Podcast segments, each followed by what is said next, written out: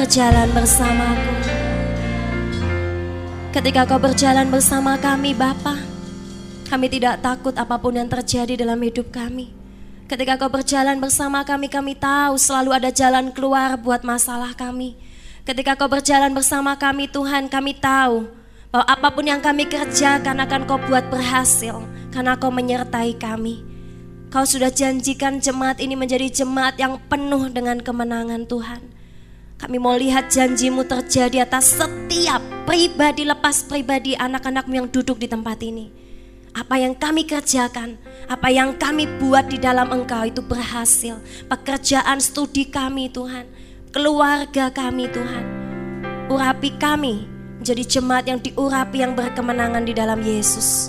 Terima kasih Tuhan. Biar taburan firman-Mu pagi hari ini tidak sia-sia. Kami mau buka hati kami, kami buka roh kami, makan dari firman-Mu Tuhan, minum dari sungai-Mu. Dan biarlah setiap kami dikuatkan kembali. Di dalam nama Yesus Kristus, setiap roh yang bebal, setiap roh yang suam, setiap roh yang menolak kebenaran firman Tuhan, kami mau halau dari tempat ini, dari hati kami di dalam nama Yesus. Kami mau menerima firman-Mu dan diubahkan oleh karena firman-Mu. Haleluya, kami siap Tuhan. Haleluya. Amin. Tema firman Tuhan hari ini saudaraku dipilih, dipanggil, setia. Wahyu 17 ayat 14. Tidak usah dibuka, lihat saja. Mari kita baca sama-sama. Dua, tiga. Mereka akan berperang melawan anak domba, tetapi anak domba akan mengalahkan mereka. Ya, terus terpanggil, dipilih, dan yang setia. Pertanyaannya teman-teman, apakah Anda adalah orang pilihan Tuhan? Seringkali ini menjadi satu pertanyaan klasik. Bahkan di tempat ini saya sudah dengar ada lebih dari dua tiga orang yang bertanya. Baik secara langsung kepada saya, baik secara tidak langsung kepada orang lain. Yang bertanya seperti ini, apakah saya ini orang pilihan Tuhan? Siapa yang jujur pernah bertanya seperti itu?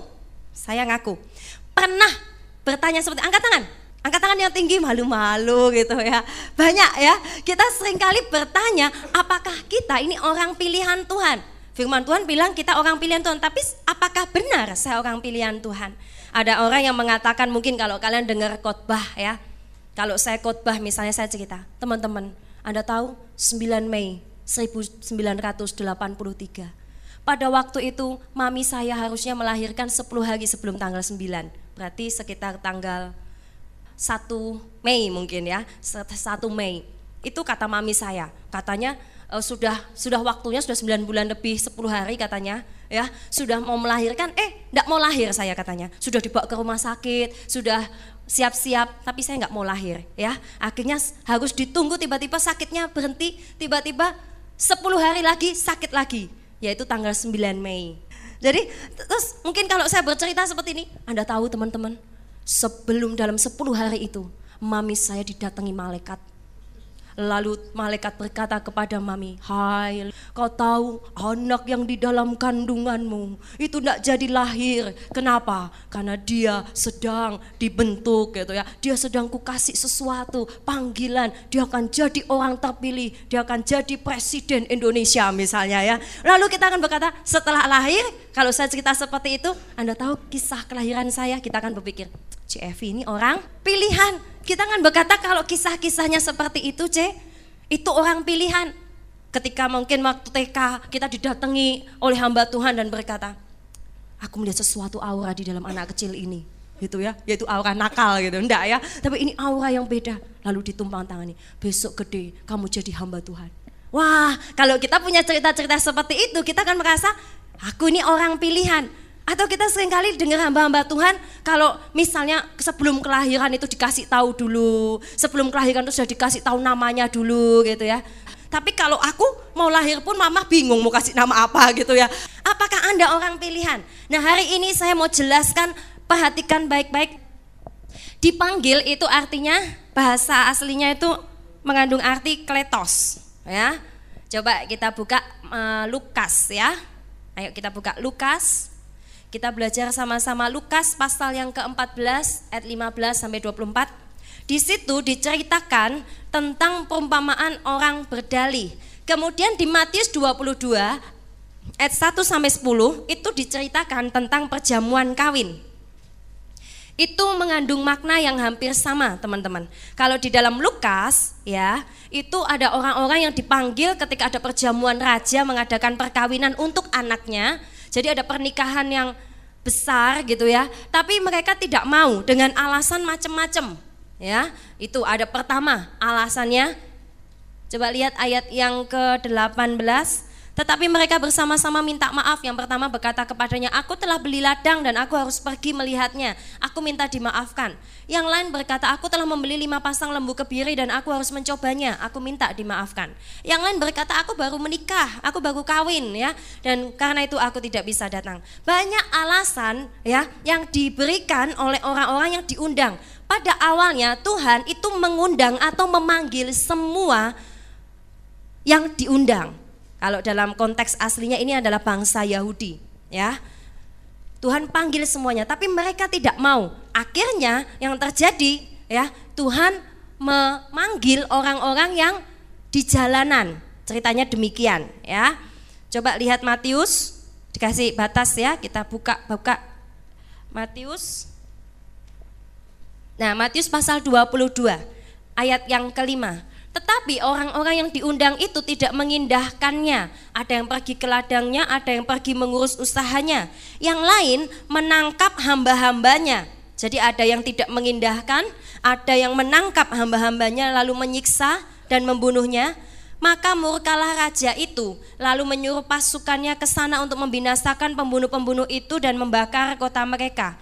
Sesudah itu ia berkata kepada hamba-hambanya, perjamuan kawin telah tersedia, tetapi orang-orang yang diundang tidak layak untuk itu. Sebab itu pergilah ke persimpangan jalan dan undanglah setiap orang yang kamu jumpai ke perjamuan kawin. Maka pergilah hamba-hamba itu mengumpulkan semua orang yang di jalan, orang baik, orang jahat, sehingga penuhlah ruangan perjamuan kawin itu dengan tamu. Teman-teman, jemaat yang dikasih Tuhan, yang pertama kita harus mengerti kebenaran. Tuhan itu memanggil semua orang. Jadi kalau dulu memang panggilan untuk bangsa Yahudi, sekarang siapa di sini orang yang terpanggil? Anda tidak boleh meragukan, saya pasti terpanggil. Amin.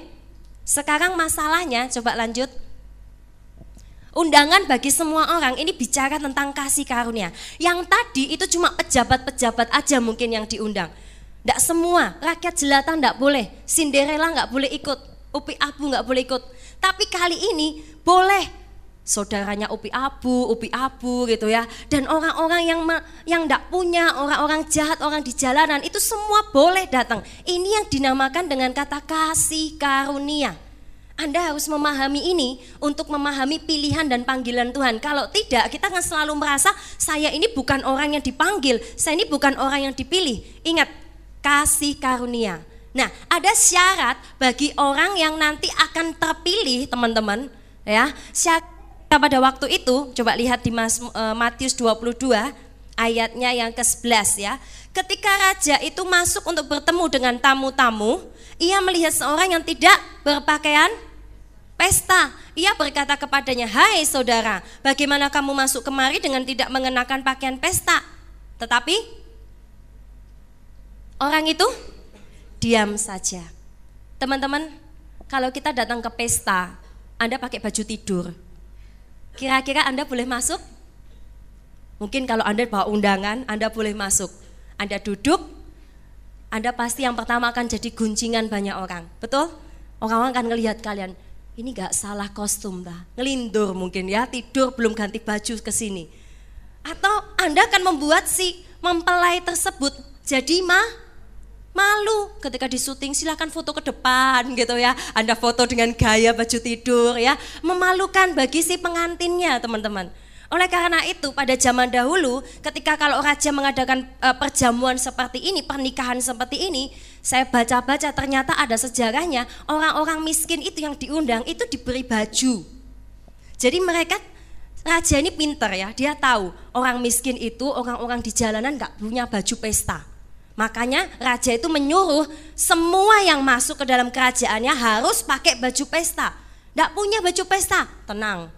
sewa gratis dari kerajaan. Pilih.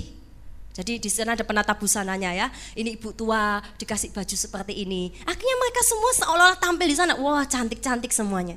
Tapi tiba-tiba si siapa ini si raja melihat seorang yang tidak pakai baju pesta. Dia kaget loh. Kamu kok tidak pakai baju pesta? Kenapa kamu tidak pakai baju pesta? Orang tuh diem aja. Tidak ada alasan, tidak ada apa, dia diem aja. Syarat untuk kita masuk di dalam perjamuan itu adalah memakai baju pesta. Yang pertama, panggilan. Semua orang di bumi ini, orang Kristen dan orang tidak Kristen dipanggil Tuhan enggak? Ya, dipanggil.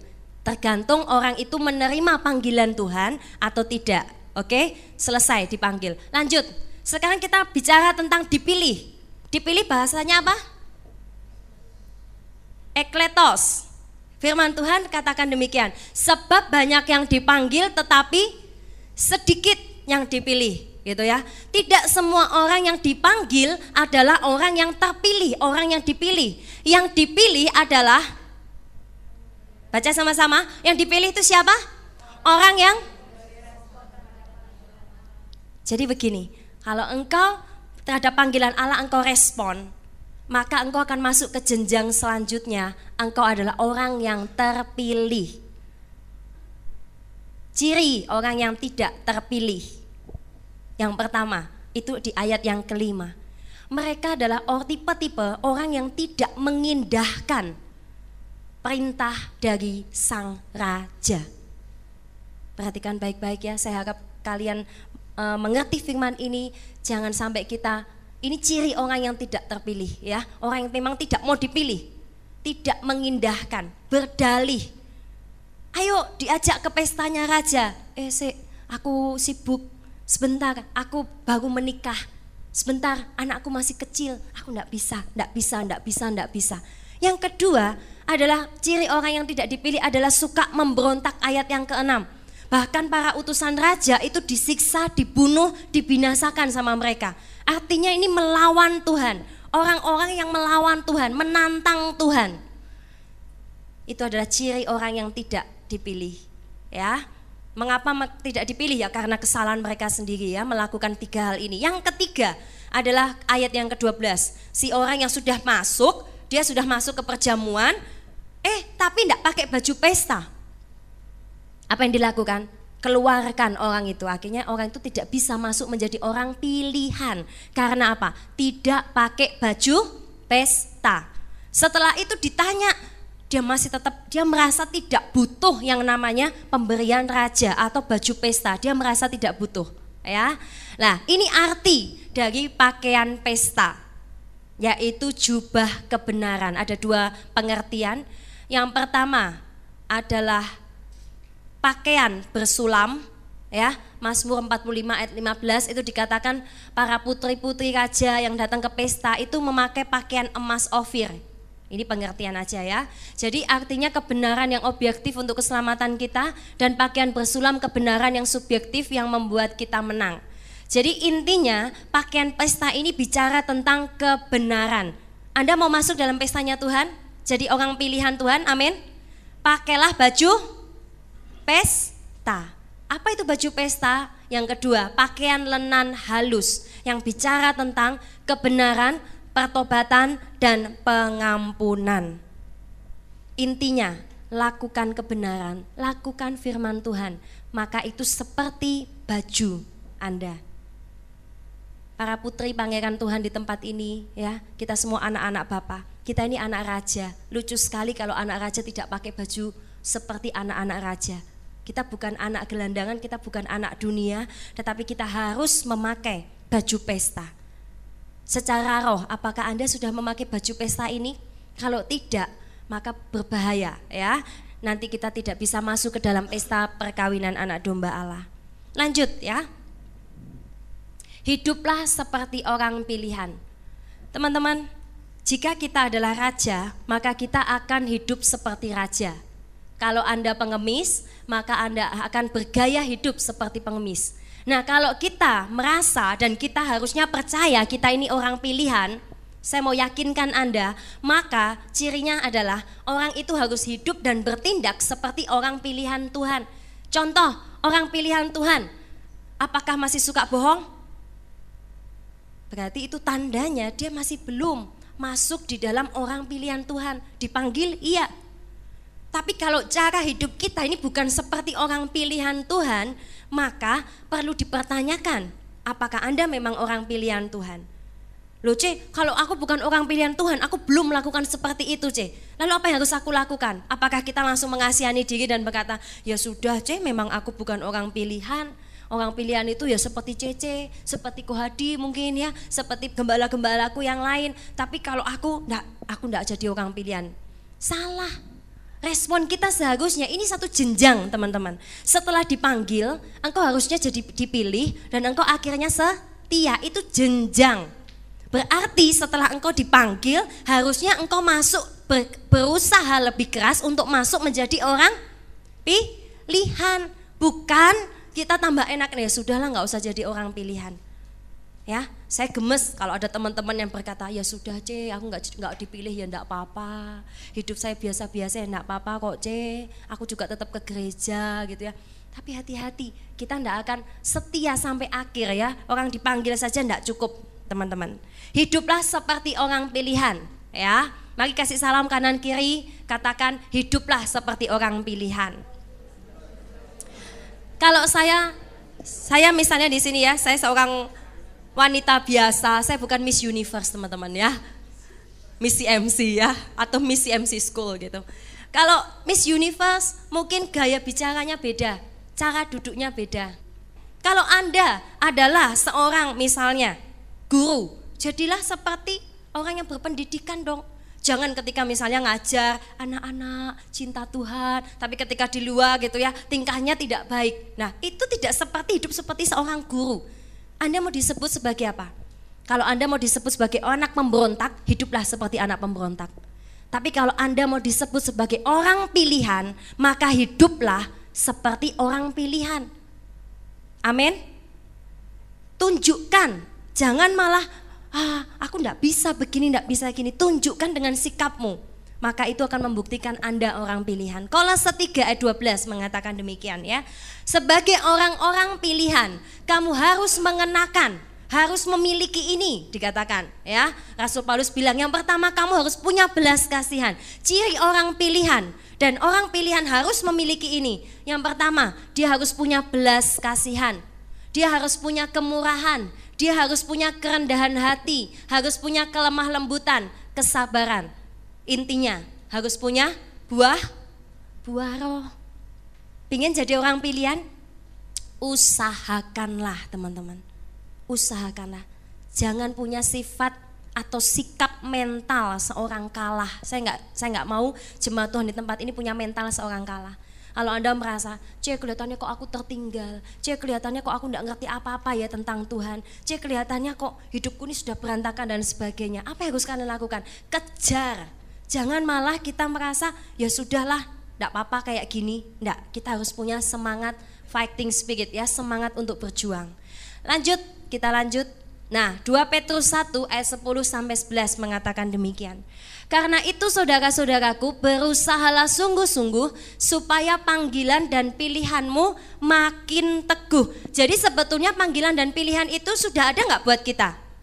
Ada, tapi di situ dikatakan berusaha sungguh-sungguh supaya makin teguh. Istilahnya kalau sudah pinter semakin pinter.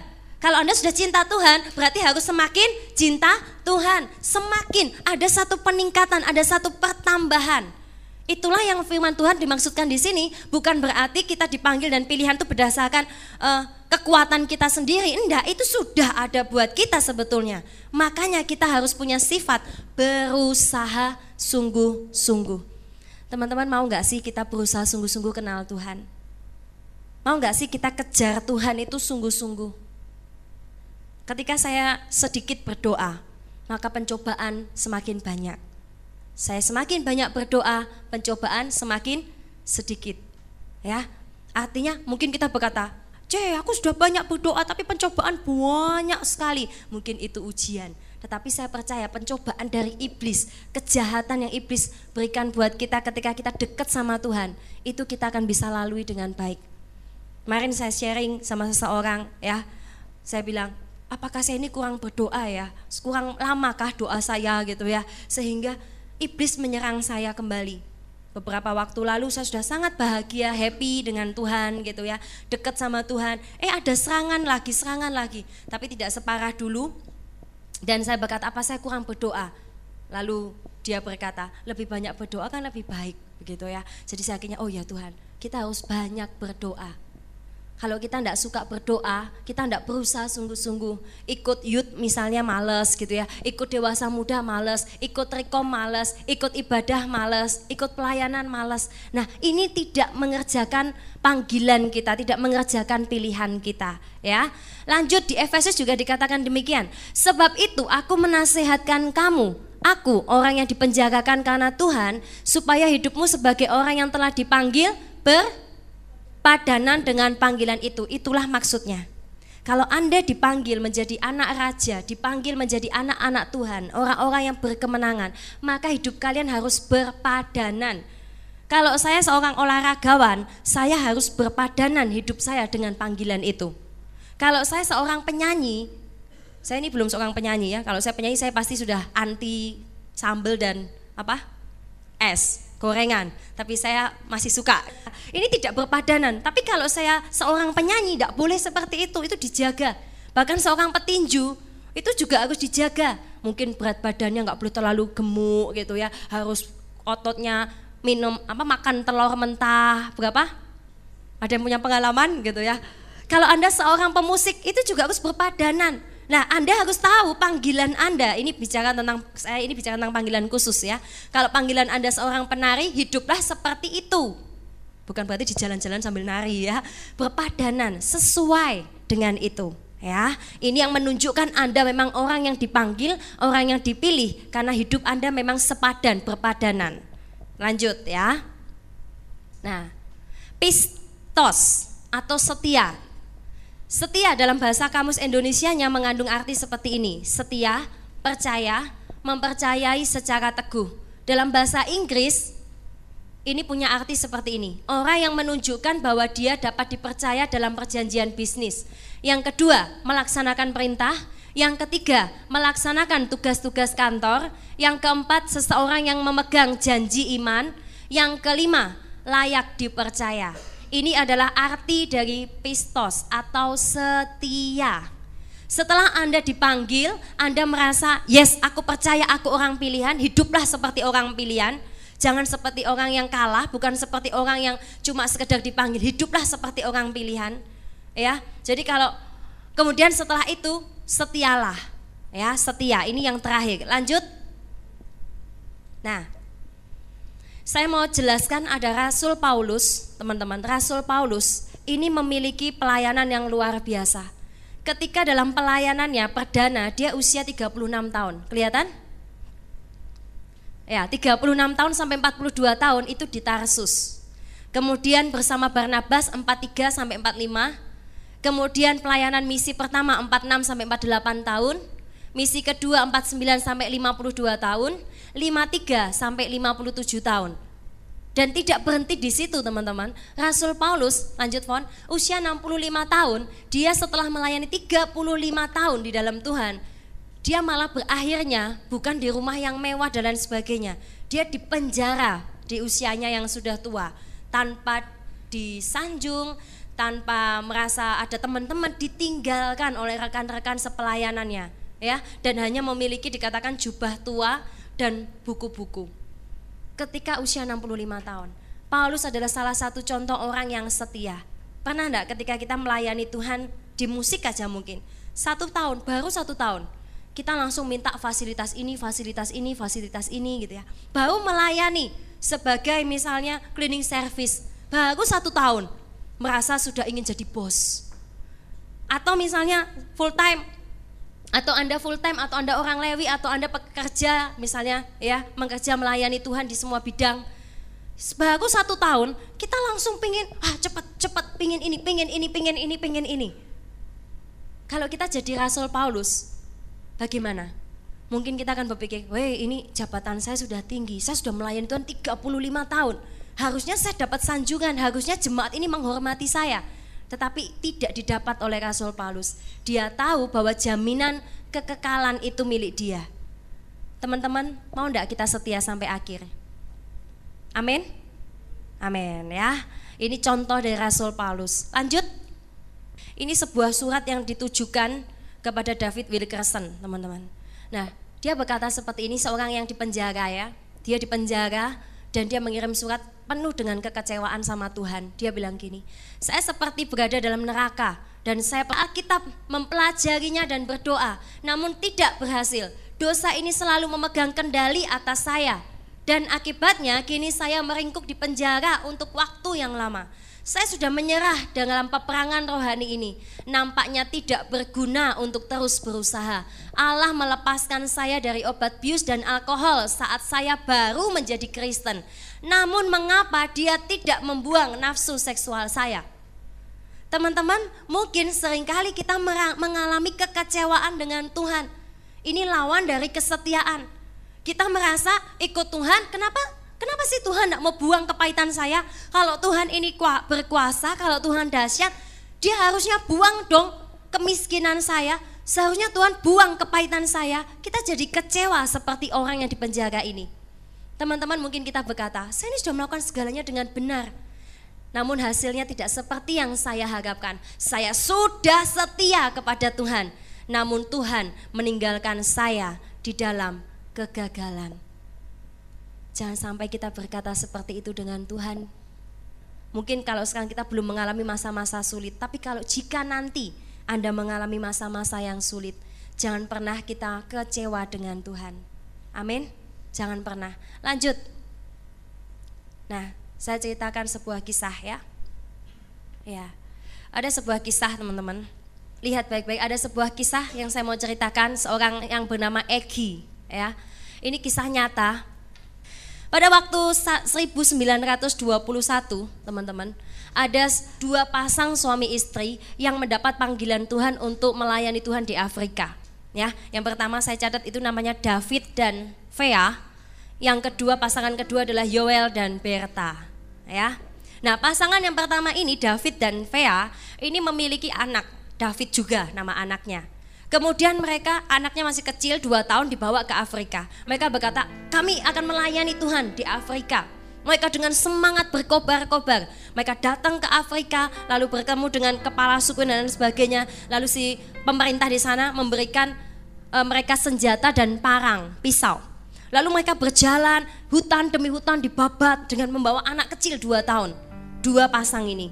Mereka membabati hutan gitu ya, masuk ke sebuah desa. Masuk ke sebuah desa, desa itu menolak dia, berkata tidak boleh ada kekristenan, tidak boleh di tempat ini. Mereka keluar lagi dari situ, babat hutan lagi, masuk ke desa lagi, ditolak lagi. Nah setelah itu berlangsung beberapa kali, akhirnya mereka sudah tidak kuat lagi. Mereka merasa sudah capek sekali, sudah berbulan-bulan, tidak ada hasil sama sekali. Akhirnya si Yoel dan Berta ini nggak tahan. Mereka nggak kuat, lalu mereka berkata, es keluarga Erikson ya, uh, Yoel Erikson, sudah aku tidak bisa tinggal di sini, aku mau kembali saja ke pos misi. Dah kamu ku tinggal, mau enggak kamu balik? Si David dan Vea tetap semangat. Enggak, aku tidak mau kembali. Tuhan sudah panggil aku melayani di Afrika dan aku akan selesaikan. Luar biasa imannya ya. Kemudian kembalilah si Yoel dan Berta, lalu sepasang ini suami istri dan anak kecil. Si Vea sedang mengandung besar waktu itu. Bayangkan teman-teman di, di pedalaman Afrika. Pada satu waktu akhirnya si Vea melahirkan di pedalaman sana. Melahirkan seorang bayi perempuan yang diberikan nama Aini. Ya, Aini. Dan kemudian bayi ini waktu setelah lahir 10 hari kemudian si ibu tidak tahan meninggal. Si ibunya meninggal dan akhirnya tinggallah si ayah dengan si David, David Junior dan si Aini. Ya, kemudian akhirnya si suaminya ini mengubur istrinya. Lanjut, Fon, lanjut. Ya, dia mengubur istrinya dan dia berkata seperti ini. Tuhan, mengapa kau izinkan hal ini terjadi? Bukankah kami datang kemari untuk memberitakan, uh, untuk memberikan hidup kami bagi pelayanan untuk engkau? Istriku yang cantik, oh, sudah mati aja dipuji-puji ya. Wah saking cintanya ya. Istriku yang cantik dan pandai sekarang telah tiada saat berumur 27 tahun. Dia menuliskan seperti itu. Lalu dia berkata, sekarang anakku usia 2 tahun hampir tidak mampu keurus. Belum lagi si kecil yang masih bayi baru 10 hari. Setelah lebih dari setahun dalam hutan ini, yang kami dapat menangkan dari desa ini hanyalah seorang anak kecil, laki-laki kecil yang tidak mungkin memahami berita Injil yang kami ceritakan. Ya, jadi pada waktu itu ada anak kecil yang bersama dengan Vea itu membantu diceritai sama si Vea ini dan lain sebagainya ya. Lalu dia merasa itu enggak ngerti apa-apa, kok kecewakan aku, betapa sia-sia hidupku ini. Dia marah dengan Tuhan, dia sangat marah dengan Tuhan pada waktu dia mengubur istrinya. Bayangkan kalau Anda mengalami itu. Lanjut, Fon. Ya. Sepanjang perjalanan kembali ke Stockholm ya, David Flood berdiri di atas dek kapal. Dia sangat kesal dengan Allah. Ini sudah kembali dia menitipkan anaknya si Eni yang kecil itu kepada Berta sama si siapa tadi? Yoel. Ya. Sedangkan anaknya David dibawa dia. Dia kesal, dia ceritakan sama semua orang di dek kapal itu tentang kepahitannya sama Tuhan. Dia dia pergi, dia bilang, aku pergi ke Afrika untuk jadi martir katanya ya. Untuk memenangkan jiwa bagi Kristus. Tidak peduli seberapa besar pengorbanan yang harus kuberikan. Tapi lihat sekarang, kini berakhir dengan kekalahan dan kegagalan. Dan dia yakin bahwa dia ini sudah setia. Dia ini yakin dia sudah benar. Tetapi Tuhan membalas kepada dia itu seperti itu. Ini satu ujian yang berat teman-teman. Dengan tidak mempedulikan dia. Dia merasa Tuhan tidak sayang lagi sama dia pada dia sudah berikan hidupnya buat Tuhan. Lalu apa yang terjadi? Nah si Amy kecil akhirnya diasuh sama si Joel sama Berta ya kan. Tapi tidak lama kemudian si Joel dan Berta ini jadi seorang penginjil misionaris diracun sama penduduk setempat. Akhirnya mati, meninggal.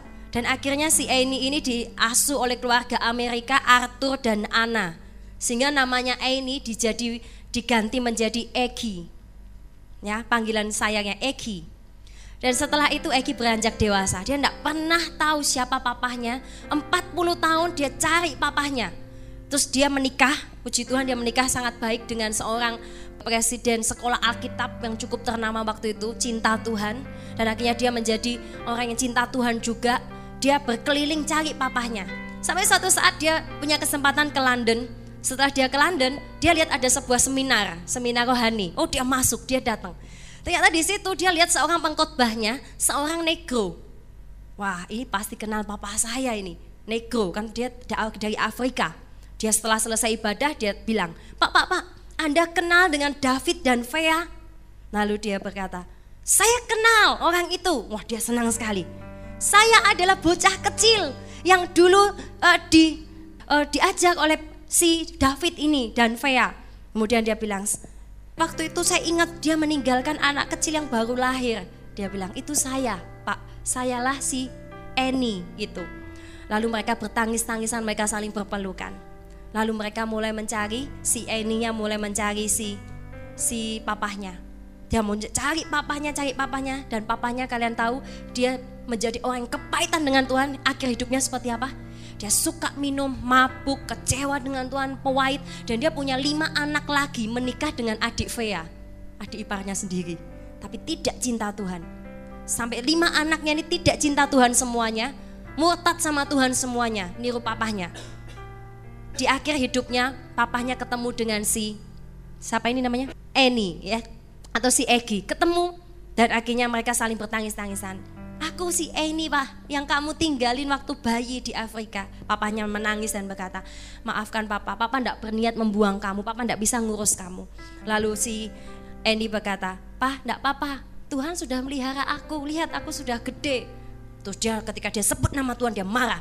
Kamu jangan sebut nama Tuhan. Tuhan sudah kecewakan kita. Tuhan sudah membuang kita, Tuhan tidak pedulikan lagi. Lalu si Eni bercucuran air mata. Tidak seperti itu, Pak. Papa tahu sekarang bocah negro yang papa rawat.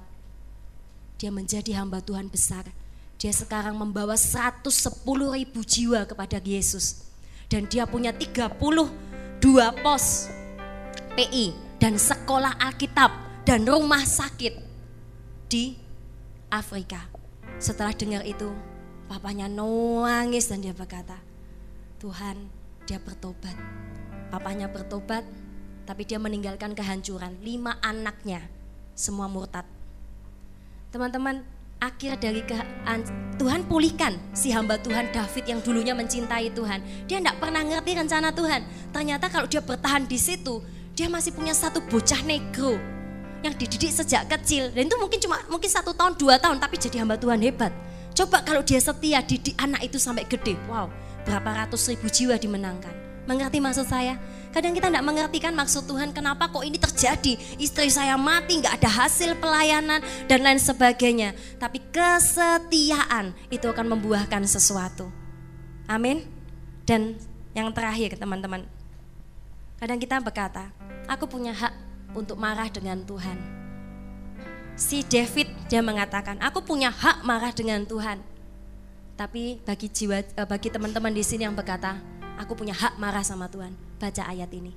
Siapakah kamu hai manusia maka kamu membantah Allah. Dapatkah yang dibentuk berkata kepada yang membentuk, mengapa engkau membentuk aku demikian? Apakah tukang periuk tidak mempunyai hak atas tanah liatnya untuk membuat dari gumpal yang sama satu benda yang dipakai untuk tujuan mulia dan satu benda lain untuk dipakai guna tujuan yang biasa? Seperti Ayub, dia berkata, Yesus uh, Tuhan berkata sama dia, kamu berhak tak marah sama aku?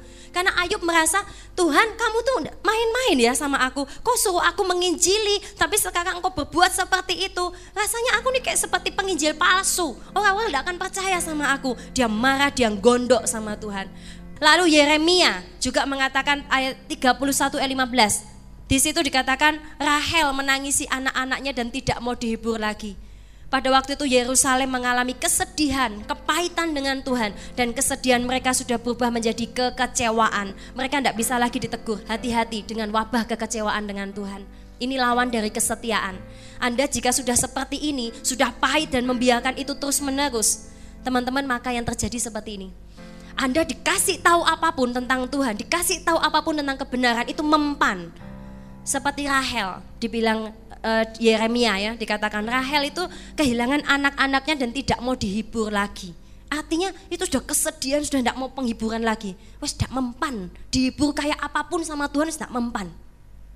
Hati-hati, jangan sampai kita seperti itu. Yang terakhir ya, ya ini ini kisah lainnya. Petrus dia mati dengan salib terbalik. Ya kan? Ini saya tunjukkan saja pengetahuan supaya kalian tahu jemaat Tuhan gimana para rasul meninggal ya. Ingat-ingat Petrus itu meninggal dengan salib terbalik dan dia menjerit, dia berkata, e, aku tidak layak disalib seperti Tuanku Yesus dan dia minta disalibnya dibalik, lalu dia menjerit di akhir hidupnya dia bilang, Yesus adalah segala-galanya bagiku. Kemudian yang kedua, Rasul Andreas, murid Andreas disalibkan dengan bentuk X, ya. Andreas menjawab, dia bilang gini, jika aku takut untuk mati di salib, aku sepatutnya tak akan memberitakan tentang kemuliaan dan kehormatan akan salib Kristus. Dan waktu dibawa ke tempat hukuman dari jauh dia melihat salib. Ya, ini si Andreas luar biasa. Dia berseru, "Hai salib yang amat saya elu-elukan dan dambakan." Wah, hai ya, dengan hatiku yang rela, bersuka cita dan menginginkanmu orang gila ini ya. Aku datang kepadamu sebagai pengikut dia yang tergantung atasmu, aku memang kekasihmu dan begitu rindu untuk memelukmu. Oh, Andreas. Oh, Andreas. Andai kau seperti itu ya. Dunia bergoncang, CMC bergoncang ya. Luar biasa. Belajar dari orang-orang seperti ini. David Flood istri mati. Aduh istriku, Tuhan jahat. Tapi ini kehilangan nyawanya salib itu jalan yang sangat mulia belum berhenti di sini. Ini kisah seru lagi dari Yakobus anak Zebedius. Yakobus dihukum mati orang yang melaporkan dipenuhi penyesalan. Ya, jadi waktu Yakobus dilaporkan sama orang, dia di uh, apa itu namanya? Dilapor-laporkan gitu ya, sehingga akhirnya dia ditangkap. Mau disalib. Betul ya, mau disalib. Nah, orang yang melaporkan itu tiba-tiba bertobat, merasa bersalah lalu dia melapor sama si uh, penguasa, aku ya pengikut Kristus kok gitu ya. Sal tangkaplah aku juga. Wah luar biasa, orang yang melaporkan musuh sampai ngaku jadi murid Yesus juga. Dan akhirnya di jalan itu ya dia berkata minta Yakobus mengampuni dia. Yakobus ber, berhenti dan berkata, damai sejahtera untukmu saudara. Lalu menciumnya dan kemudian mereka bersama-sama dipenggal kepalanya. Romantis sekali. Ya, so sweet. Yohanes anak Zebedius. Nah, ini Yohanes saudara Yakobus ya Dia pergi ke kota Efesus setelah dibebaskan dan tinggal di sana sampai masa pemerintahan Trajan. Yohanes menjadi penatua yang pernah kita lihat filmnya itu ya. Di sana ia menulis kitab Injil Yohanes. Ada yang mencatatkan bahwa pelayanan Rasul Yohanes berterusan hingga ia berumur 100 tahun. Dicatatkan bahwa banyak usaha telah dilakukan untuk membunuh Yohanes. Ada pernah dicatatkan ya, apakah benar atau tidak, dimasukkan hidup-hidup dalam kawah besar yang penuh minyak. Masak mendidih supaya mati dimasak katakan ya. Dikatakan bahwa ia berenang di dalamnya. Wow. saya nggak ngerti apakah ini benar, tapi catatan sejarah menyebutkan dia berenang-renang di minyak goreng itu dan dikatakan tubuhnya kembali muda. Wow ya. Kemudian dapat melepaskan diri dan lari ke Efesus. Wah, kisah orang-orang hebat ya. Tapi kalau jika itu benar memang Tuhan sanggup melakukannya. Yakobus uh, Yohanes ya. Filipus setelah memberitakan Injil di kebanyakan bangsa-bangsa barbar, akhirnya mati dilempar batu dan disalibkan di kota Tur uh, di negara Turki, ya. Nathanael, Bartolomeus dikatakan memberitakan Injil pada kaum Indian dan telah menerjemahkan kitab Injil Matius ke bahasa mereka ketika berada di kota Abinopolis. Tubuhnya, oh ia menderita dengan kulit kulit tubuhnya ditoreh hidup-hidup, disalib lalu dipenggal. Nah, ini prosesnya panjang dia ya, kasihan ya. Setelah kulitnya ditoreh, dicalip, dipenggal ya. Thomas, dia pergi memberitakan Injil di kota-kota tersebut, baca sendiri. Dan dia disiksa dengan tusukan besi merah panas yang tajam, lalu dibunuh dengan tusukan empat lembing.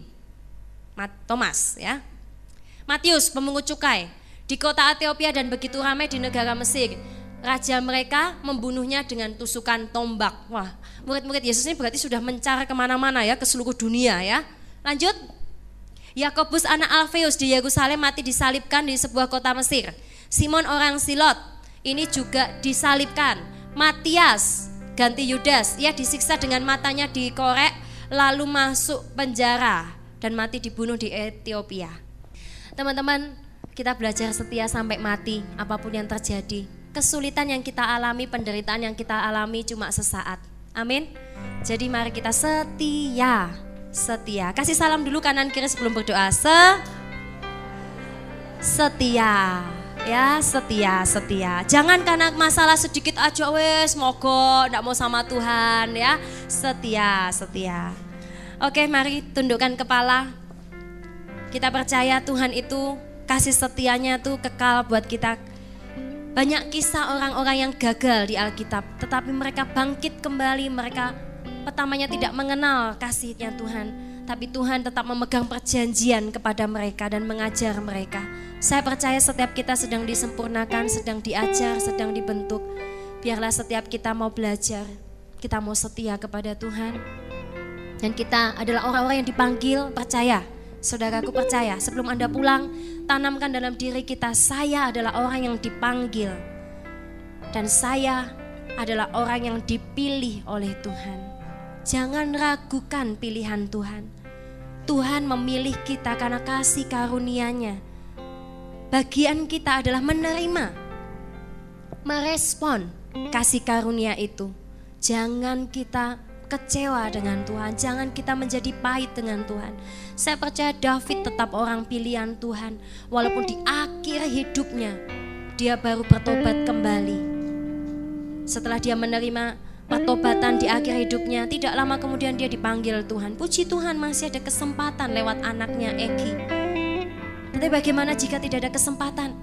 Itu mengerikan. Orang yang memulai dengan roh, jangan sampai kita mengakhiri dengan daging. Mari belajar setia. Apa pun yang terlihat sekarang, jangan dinilai dengan apa yang ada sekarang. Percaya bahwa Tuhan sanggup buat sesuatu yang besar yang tidak pernah terpikirkan. Mungkin hari-hari ini tuh menyakitkan buat kita. Ambil keputusan.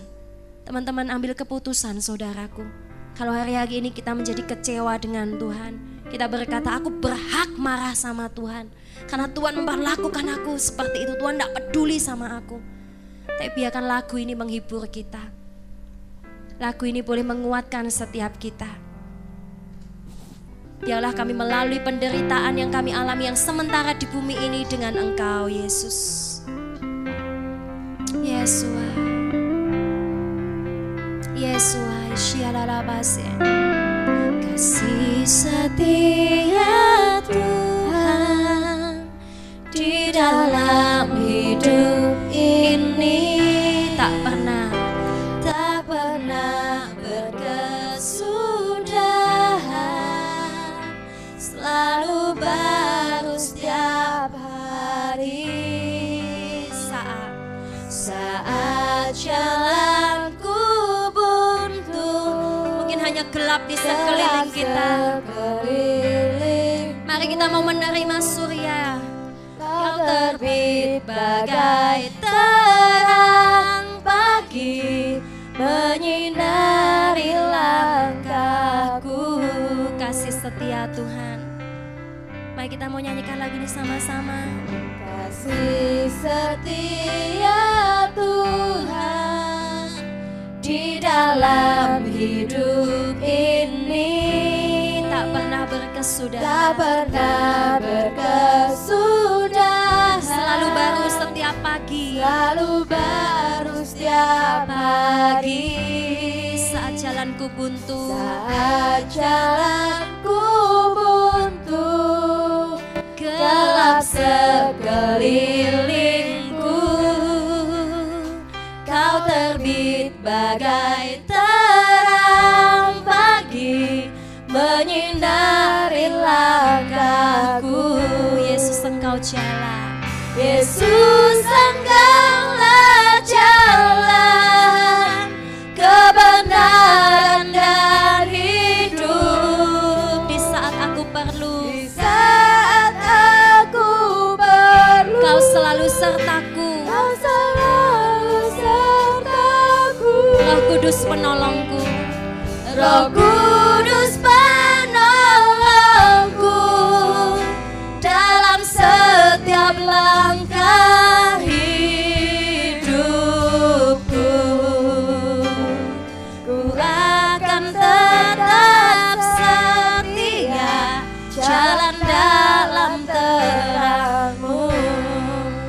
kita mau bangkit berdiri sama-sama jemaat Tuhan. Dan kita mau percaya kasih setia Tuhan, perjanjian Tuhan, kesetiaan Tuhan buat kita itu tidak akan pernah habis. Mungkin David mengatakan aku sudah dilupakan oleh Tuhan, tapi saya percaya Tuhan mencari dia. Tuhan masih mempertahankan dia, Tuhan masih mengingat dia. Tuhan tidak pernah lupa dengan orang-orang pilihannya. Oleh karena itu mari berkata kepada Tuhan, aku percaya sekarang Tuhan. Aku mau semakin bersungguh-sungguh mengenal Engkau. Aku mau semakin bersungguh-sungguh Tuhan supaya panggilan dan pilihanku semakin diteguhkan. Karena Engkau setia bagiku, ajar aku setia sampai selama-lamanya. Siapa di antara jemaat Tuhan kau percaya bahwa engkau orang yang dipilih dan engkau adalah orang yang dipanggil. Mari angkat kedua tangan kita. Engkau yang selama ini mungkin ragu terhadap pilihan Tuhan. Saya percaya Tuhan tidak mudah untuk membuang orang-orang pilihannya. Dia tidak mungkin. Dia selalu mengingat perjanjiannya kepada kita. Jangan menganggap kasih karunia Tuhan begitu enteng, begitu remeh. Percayalah saudaraku, percayalah. Sehingga ketika engkau percaya, engkau punya iman, maka engkau bertindak seperti orang-orang pilihan. Mari angkat tangan kita dan kau mau berkata, Tuhan, aku mau perbaharui komitmenku kepada engkau, aku mau setia sampai akhir, sampai akhir Tuhan. Sebab hanya Engkaulah jalan kebenaran dan hidup. Tidak ada seorang pun masuk ke dalam surga selain melalui Yesus, selain melalui Kristus. Dan aku mau memikul salibku dan setia sampai akhir. Petrus pernah menyangkalmu. Musa pernah berbuat salah. Dia merasa dibuang dan dilupakan 40 tahun. Dia berkata dalam hatinya mungkin pergumulan jiwanya, Tuhan kenapa kau lupakan aku? Seharusnya aku bisa dipakai lebih dari ini, aku seorang pangeran Mesir. Tapi Musa setia. Sampai akhirnya Tuhan memanggil dia dalam rencana yang sangat besar. Tidak terpikirkan. Setia, setia. Yesua, Hamba mau serahkan jemaat ini dalam tanganmu Yesus. Bawa kami ke dalam tingkat yang lebih tinggi, cinta yang lebih dalam akan Engkau. Bukan cinta Tuhan dengan bersyarat kami mengikut Engkau karena kami dapat sesuatu atau karena Kau berbuat baik kepada kami. Kami percaya Engkau tidak pernah lupakan kami Tuhan, tidak pernah, tidak pernah Kau lupakan setiap kami. Sebelum hamba selesai Tuhan, tengok setiap kami, lihat masing-masing kami Berbagai masalah Tuhan terjadi antara satu sama lain. Tuhan punya masalah yang berbeda. Hamba berdoa di dalam nama Yesus kuatkan teguhkan hati kami Tuhan. Kuatkan teguhkan kami. Kami mau berdamai dengan Engkau Roh Kudus pagi hari ini. Ampuni jemaatmu Tuhan kalau sering kali kami tidak mengerti kasihmu. Saya percaya, kami percaya setiap orang bisa berubah. Kami percaya karena Engkau setia kepada kami. Semua orang bisa berubah Tuhan. Keadaan keluarga kami bisa berubah. Orang tua kami bisa berubah. Diri kami, teman-teman kami bisa berubah. Saudaraku jangan membatasi Tuhan, jangan membatasi diri kita. Anda bisa mencapai peningkatan yang paling tinggi dalam hidup Anda. Anda bisa menjadi orang yang sangat diimpi-impikan oleh Tuhan. Semua orang bisa jadi orang pilihan. Tuhan tidak pernah pilih-pilih. Dia mau semua orang jadi orang pilihan. Anda bisa. Mari kejar. Jangan lagi berkata negatif, jangan lagi mendukakan Tuhan dengan kata-kata yang mengecewakan Tuhan. Mari bertobat. Mari bertobat. Nama berdoa Tuhan teguhkan firman ini dalam setiap hati kami. Supaya kami tidak menghujat namamu lagi, kami tidak menyangkali kasihmu lagi. Tapi akan kami menjadi jemaat yang setia sampai akhir. Terima kasih Bapa, selesaikanlah perbuatanmu dalam hidup kami, karyamu dan jadilah matahari yang menyinari kami, menyinari jalan-jalan kami yang gelap. Engkau berkata bahkan jalan-jalan kami yang gelap tidak menggelapkan bagimu. Artinya engkau selalu dapat menemukan kami walaupun kami ada dalam kegelapan Tuhan. Aku percaya, kami percaya. Terima kasih Bapak. Hamba serahkan semua dalam tanganmu, jemaatmu Bapa. Di dalam nama Yesus Kristus, pertumbuhan itu milik kami. Pertumbuhan dan janji-janjimu itu milik kami Tuhan. Haleluya. อาเมน